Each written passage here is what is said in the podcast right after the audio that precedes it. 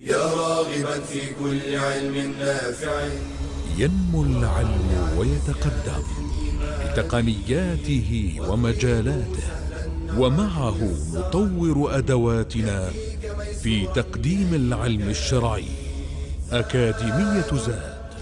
زاد أكاديمية ينبوعها. صاف صاف ليروي غلة الظمآن.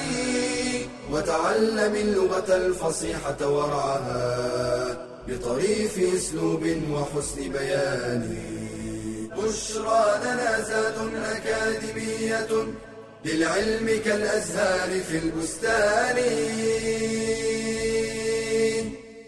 بسم الله الرحمن الرحيم. الحمد لله رب العالمين والصلاة والسلام على نبينا محمد وعلى آله وأصحابه أجمعين. أما بعد فسلام الله عليكم ورحمته وبركاته أيها الإخوة والأخوات الكرام. نحن في الدرس السابع من الدورة الثانية في المستوى الرابع من مستويات اللغة العربية في أكاديمية زاد. سنستمر في هذا الدرس في الكلام على التوابع بعد أن شرحنا التابع الأول وهو النعت. ونشرح في هذا الدرس بإذن الله تعالى التابع الثاني وهو التوكيد. التوكيد أيضا تابع من التوابع والمراد بالتوكيد هي كلمة تؤكد معنى ما سبقها لإزالة الباس. كلمة يؤتى بها لتأكيد ما قبلها. لإزالة الباس. ومعنى التوكيد يتكرر كثيرا في كتب العلم وفي علوم اللغة لأن معنى التوكيد من أهم المعاني التي يقصد إليها المتكلم فيحتاج لذلك إلى ألفاظ وأساليب كثيرة لتوكيد كلامه. والتوكيد عموما قد يكون توكيدا بلاغيا وقد يكون توكيدا نحويا. والذي يعنينا في هذا الدرس هو التوكيد النحوي. لكني سأتكلم على معنى التوكيد عموما ثم بعد ذلك أخرج منه إلى التوكيد النحوي الذي هو محل درسنا. فالمراد بالتوكيد في اللغة ما يؤتى به لتقوية معنى سابق معلوم. يعني أن التوكيد لا يأتي بمعنى جديد وإنما يؤكد معنى الكلام السابق المعروف قبل مجيء التوكيد. إذا فمعنى الكلام معروف قبل مجيء التوكيد. إلا أن التوكيد يأتي بعد ذلك لتقوية هذا المعنى وتحقيقه وتوكيده. وذلك أن الأصل في الكلام أن يكون للكلمة معنى جديد يسمونه مؤسس. الأصل أن العربي عندما يأتي بكلمة فإنها تدل على معنى جديد بحيث إذا ذكرها فهم هذا المعنى وإذا حذفت ذهب معها هذا المعنى. فإذا قلنا مثلا ذهب محمد لا أعرف من ذلك إلا ذهاب محمد لكن إلى أين؟ ما أدري. متى؟ لا أدري. لماذا؟ لا أدري. فإذا قلت ذهب محمد إلى السوق دلني قولي إلى السوق إلى المكان الذي ذهب إليه محمد. ولو حذفت إلى السوق لا ذهب هذا المعنى. فلا أعرفه من قولي ذهب محمد.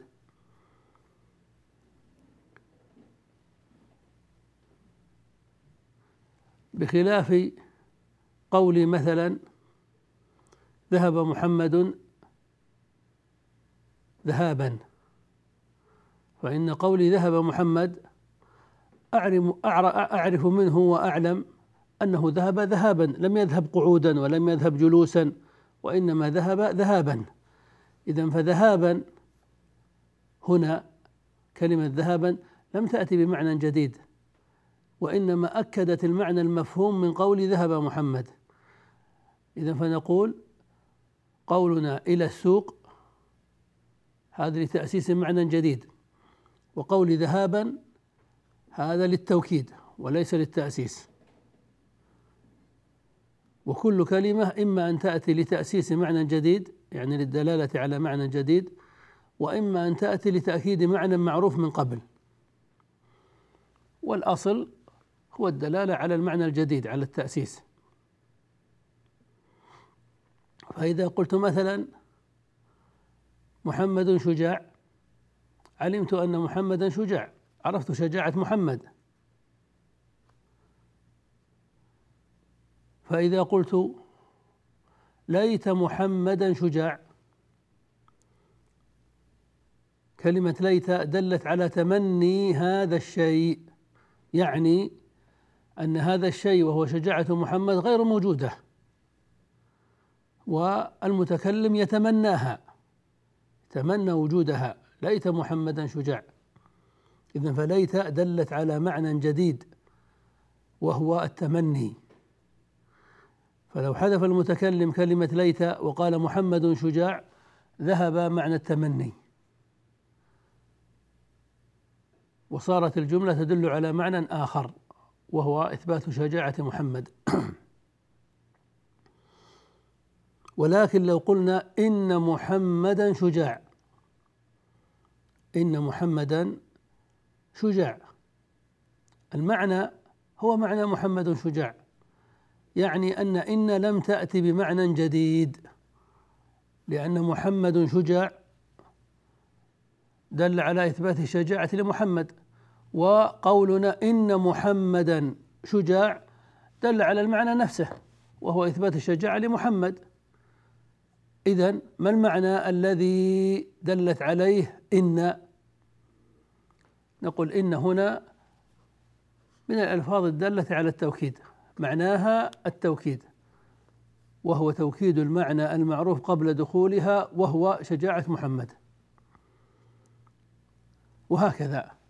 كل لفظ إما أن يدل على معنى جديد فهو للتأسيس وإما أن يدل على وإما ألا يدل على معنى جديد فهو للتوكيد. ولا شك أن التوكيد وهو وهو تقوية المعنى المعروف من قبل من المعاني المهمة التي يقصد إليها المتكلم ويحتاج إليها في مواضع كثيرة. وليس هو من اللغو والزيادة التي لا فائدة منها. والشواهد على أن معنى التوكيد معنى مهم يقصد إليه المتكلم بل قد يحتاج إليه المتكلم في مواضع كثيرة. سيأتي إن شاء الله بعد هذا الفاصل ونضرب عليه شيئا من الشواهد بإذن الله. فانتظرونا. بشرى لنا أكاديمية. للعلم كالأزهار في البستان.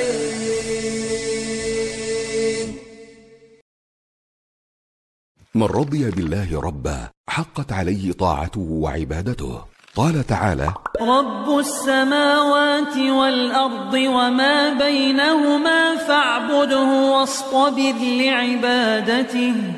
والصبر على أداء الطاعات أكمل من الصبر على اجتناب المحرمات. وطاعة الله تحتاج إلى أنواع من الصبر كالصبر على الإخلاص فيها ومدافعة دواعي الرياء والغرور والصبر على الاتباع فيها وتكميلها والصبر على ترك التقصير فيها والابتداع والمداومة عليها وعدم الانقطاع. قال تعالى وأمر أهلك بالصلاة واصطبر عليها لا نسألك رزقا. نحن نرزقك والعاقبة للتقوى.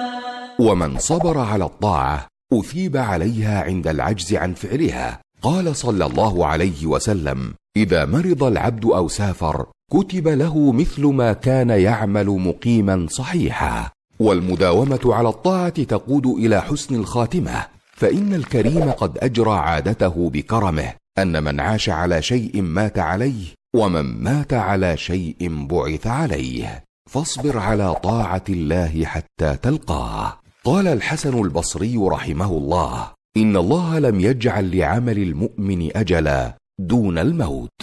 ثم قرأ واعبد ربك حتى يأتيك اليقين.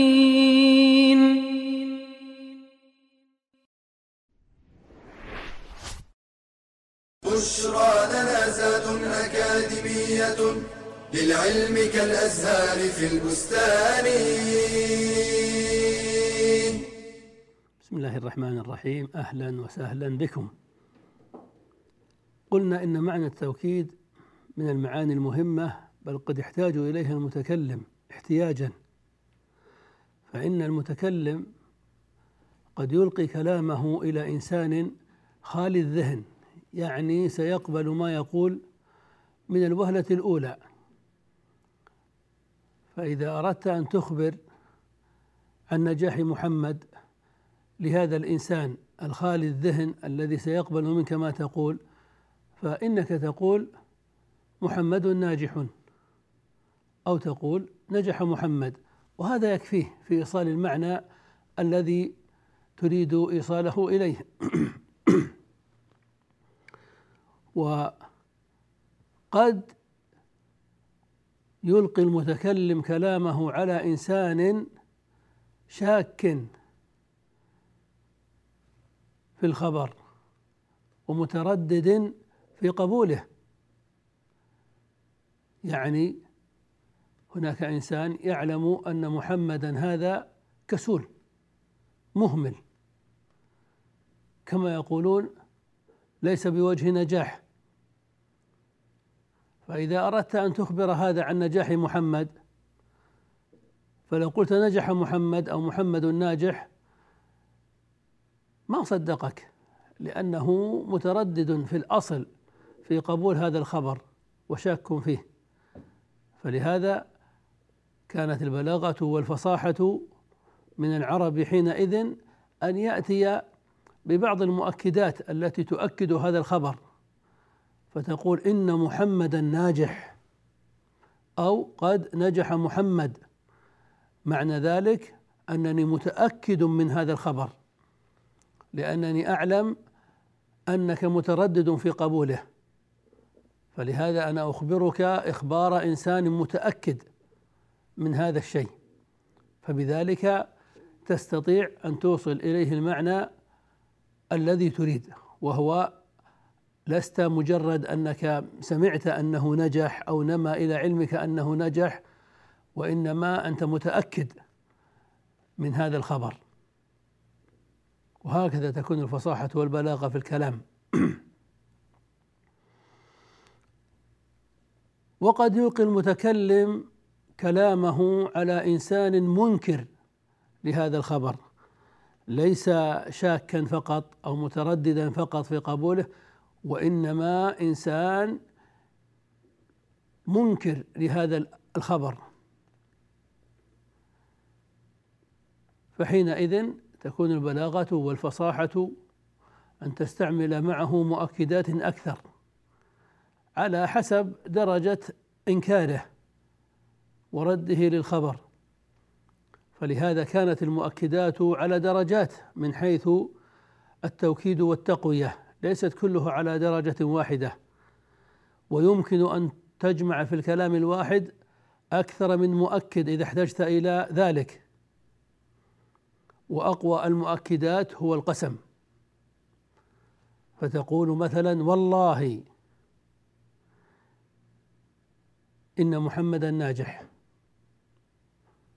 والله هذا قسم وهو زيادة في الكلام لأنك يمكن أن تخبر عن نجاح محمد بقولك محمد ناجح ولا تحتاج إلى القسم كما أنك لا تحتاج إلى إن فهي زوائد لتوكيد الكلام.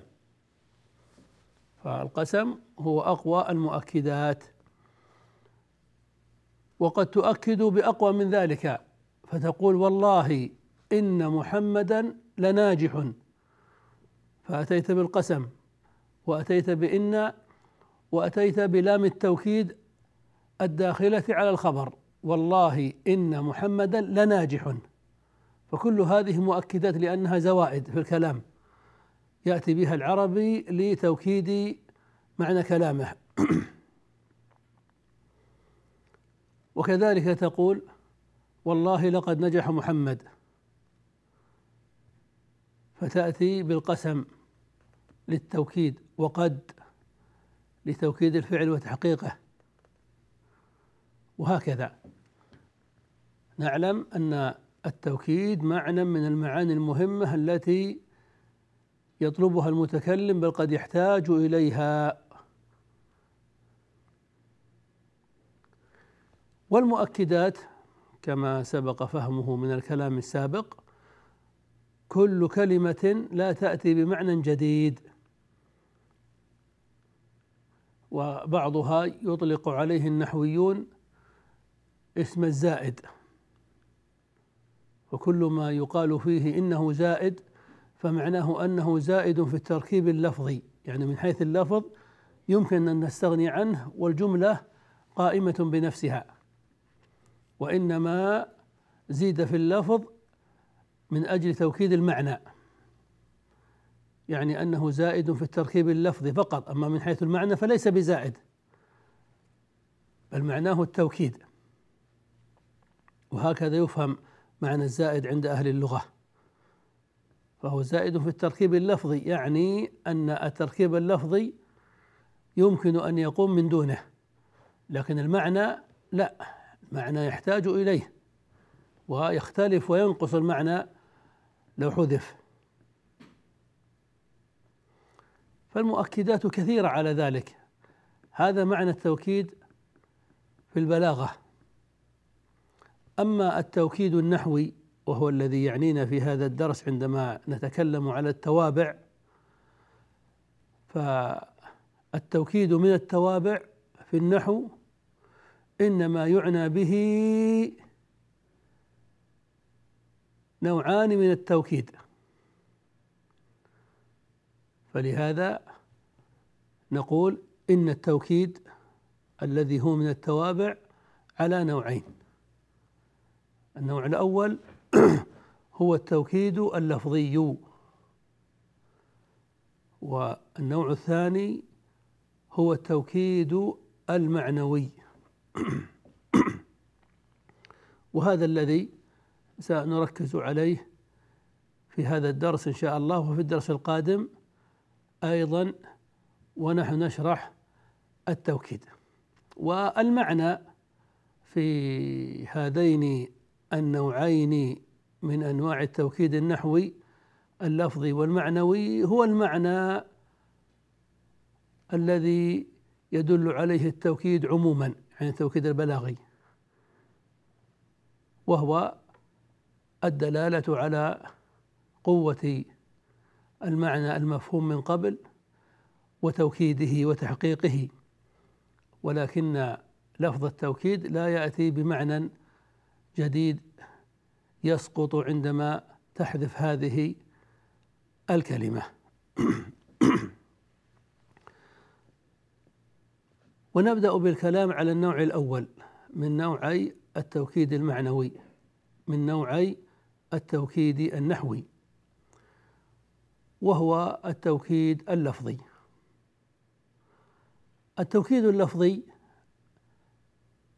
عند النحويين هو تكرير الكلمة بغرض تقوية المعنى وتوكيده. تكرير الكلمة أو نقول تكرار الكلمة. كلاهما صحيح. تكرير وتكرار الكلمة. بغرض تقوية المعنى وتوكيده. فأي كلمة اسما أو فعلا أو حرفا بل جملة أو شبه جملة. كل ما تكرره في الكلام من أجل توكيد معناه يدخل في هذا النوع وهو التوكيد اللفظي. فلهذا يمكن أن تكرر آه، اسما أو تكرر حرفا أو تكرر فعلا. أو تكرر جملة اسمية أو تكرر جملة فعلية أو تكرر شبه جملة. إما جرا ومجرورا وإما ظرف زمان وإما ظرف مكان. والأمثلة على التوكيد اللفظي نذكرها بإذن الله تعالى بعد هذا الفاصل. فانتظرونا. بشرى لنا زاد أكاديمية للعلم كالأزهار في البستان.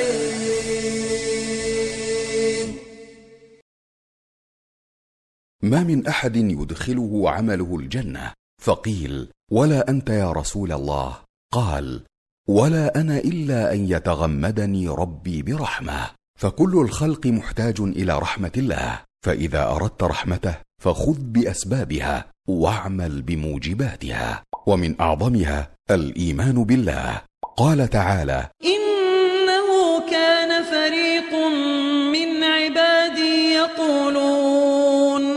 يقولون ربنا آمنا فاغفر لنا وارحمنا وأنت خير الراحمين.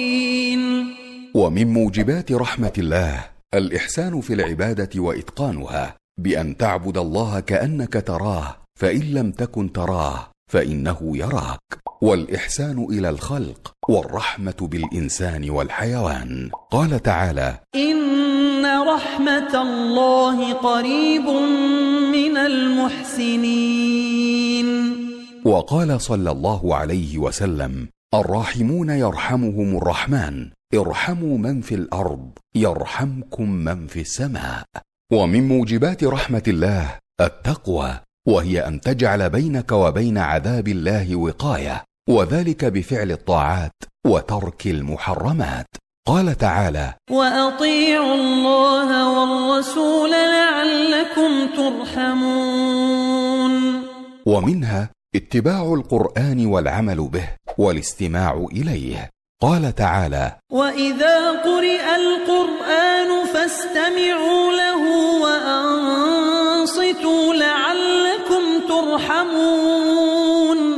ومن موجبات رحمة الله الصبر على الطاعة وعن المعصية وعلى أقدار الله. قال تعالى في شأن الصابرين أولئك عليهم صلوات من ربهم ورحمة وأولئك هم المهتدون. ومن موجبات رحمة الله التوبة الصادقة مع الإصلاح. قال تعالى كتب ربكم على نفسه الرحمة أنه من عمل منكم سوءا بجهالة ثم تاب من بعده وأصلح فأنه غفور رحيم. ومنها الإنفاق في سبيل الله. قال تعالى ومن الأعراب من يؤمن بالله واليوم الآخر ويتخذ ما ينفق قربات عند الله وصلوات الرسول. ألا إنها قربة لهم. سيدخلهم الله في رحمته. إن الله غفور رحيم. فاحرص على الأخذ بموجبات الرحمة وأكثر من الدعاء. قال تعالى وقل رب اغفر وارحم وأنت خير الراحمين.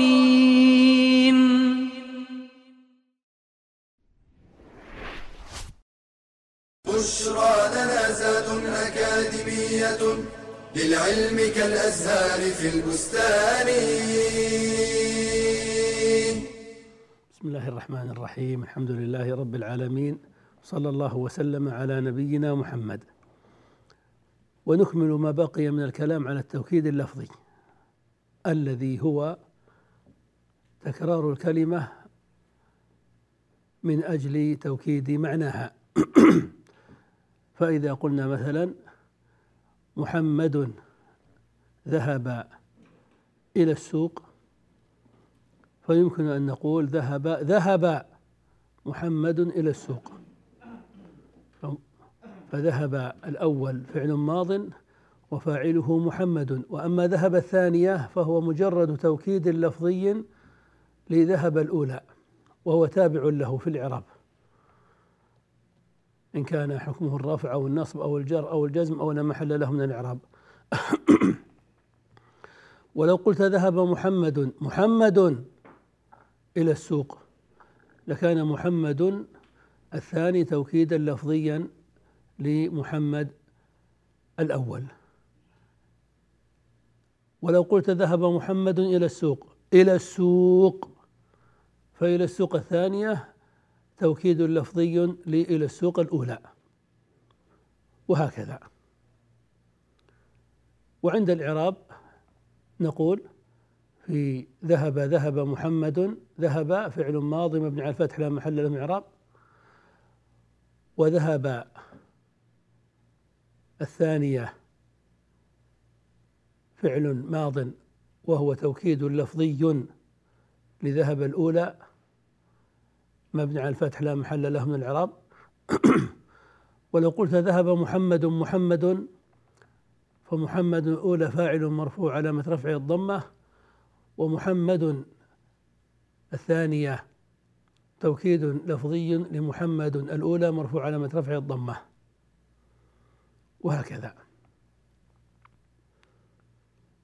ويمكن أن نقول لو أردت أن تحذر مثلا من شيء ما حريق أو سيل يمكن أن تقول السيل السيل. فقولك السيل الأول معناه احذروا السيل فهو مفعول به لفعل محذوف دل عليه التحذير يعني إحذروا السيف السيل. طيب والسيلة الثانية توكيد لفظي للسيلة الأولى. منصوب علامة نصب الفتحة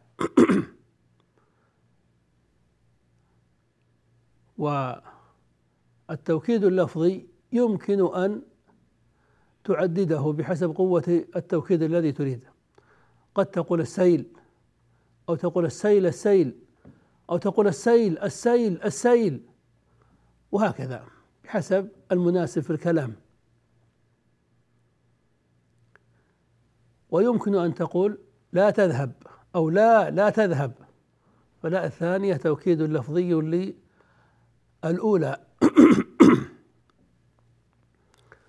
وقد تقول لا تذهب لا تذهب. فلا تذهب الأولى هذه جملة فعلية. ولا تذهب الثانية جملة فعلية تعرب إعرابا تفصيليا كالجملة الأولى. ثم نقول وهي توكيد لفظي للأولى. وقد تقول لا تذهب لا تذهب لا تذهب. فتكرر وتؤكد على حسب المعنى الذي يقتضيه الحال. ومن الأمثلة على التوكيد اللفظي وهو مستعمل في كلام العرب وفي القرآن قولهم أخاك أخاك. إن من لا أخا له كساع إلى الهيجة بغير سلاح. أخاك أخاك. يعني إلزم أخاك أو احفظ أخاك. والثانية توكيد لفظي وتقول رأيت الأسد الأسد.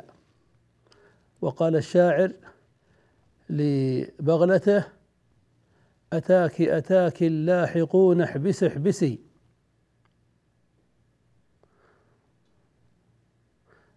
يقول عن بغلته عدس ما لعباد عليك إمارة. أتاك أتاك اللاحقون احبس احبسي. لهذا لهذا بيت آخر. عدس ما لعباد عليك إمارة. نجوت وهذا تحملين طليق عدس هذا قول يقال لزجر البغل. المهم نقول أتاك أتاك اللاحقون احبس احبسي. فأتاك الأول هذا فعل. والكاف في أتاك مفعول به. واللاحقون فاعل. وأتاك الثانية توكيد لفظي. وقوله احبسي هذا فعل أمر.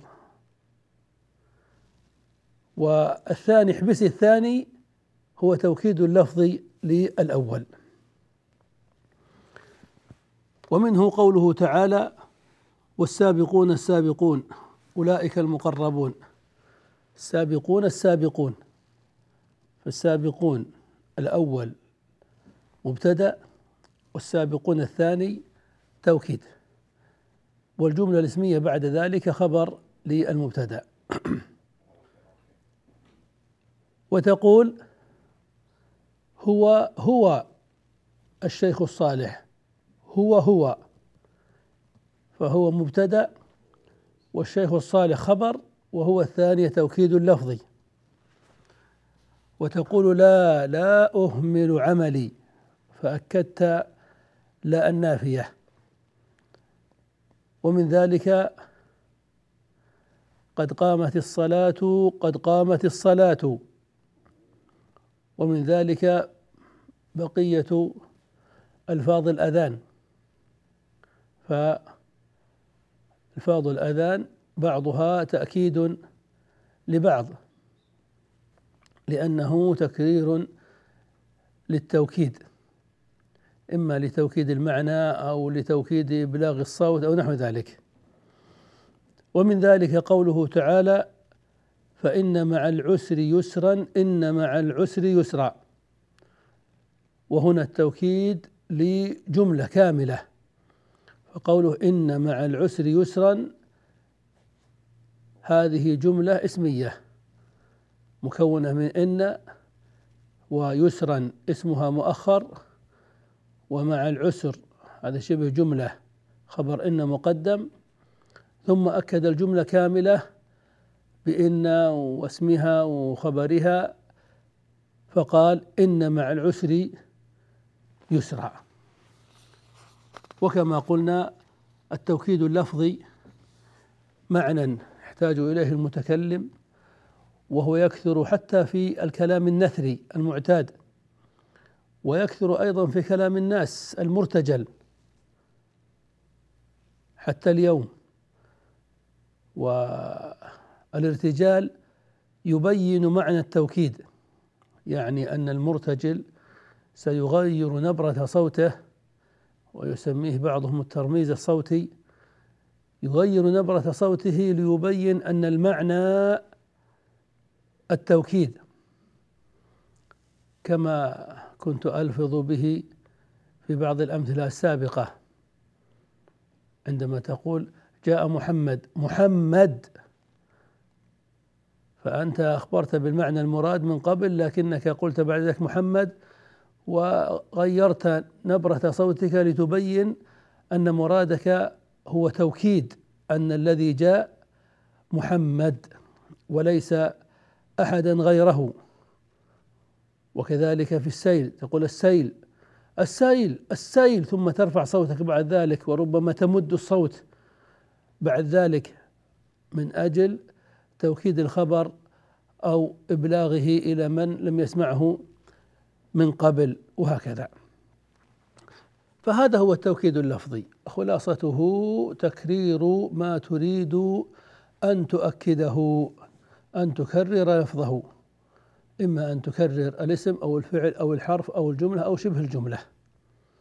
ويمكن أن تكرره مرة أو أكثر من ذلك على حسب المعنى الذي تريد. وأما النوع الثاني من التوكيد المعنوي وأما النوع الثاني من التوكيد النحوي فهو التوكيد المعنوي.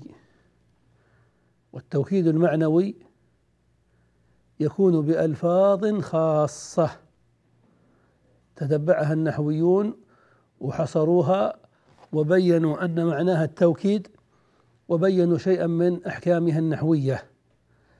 وسنأتي على النوع الثاني وهو التوكيد المعنوي ومعناه وأمثلته وشيء من أحكامه في الدرس القادم بإذن الله تعالى. إلى ذلكم الحين. أنتظركم على أمان من الله وتوفيق.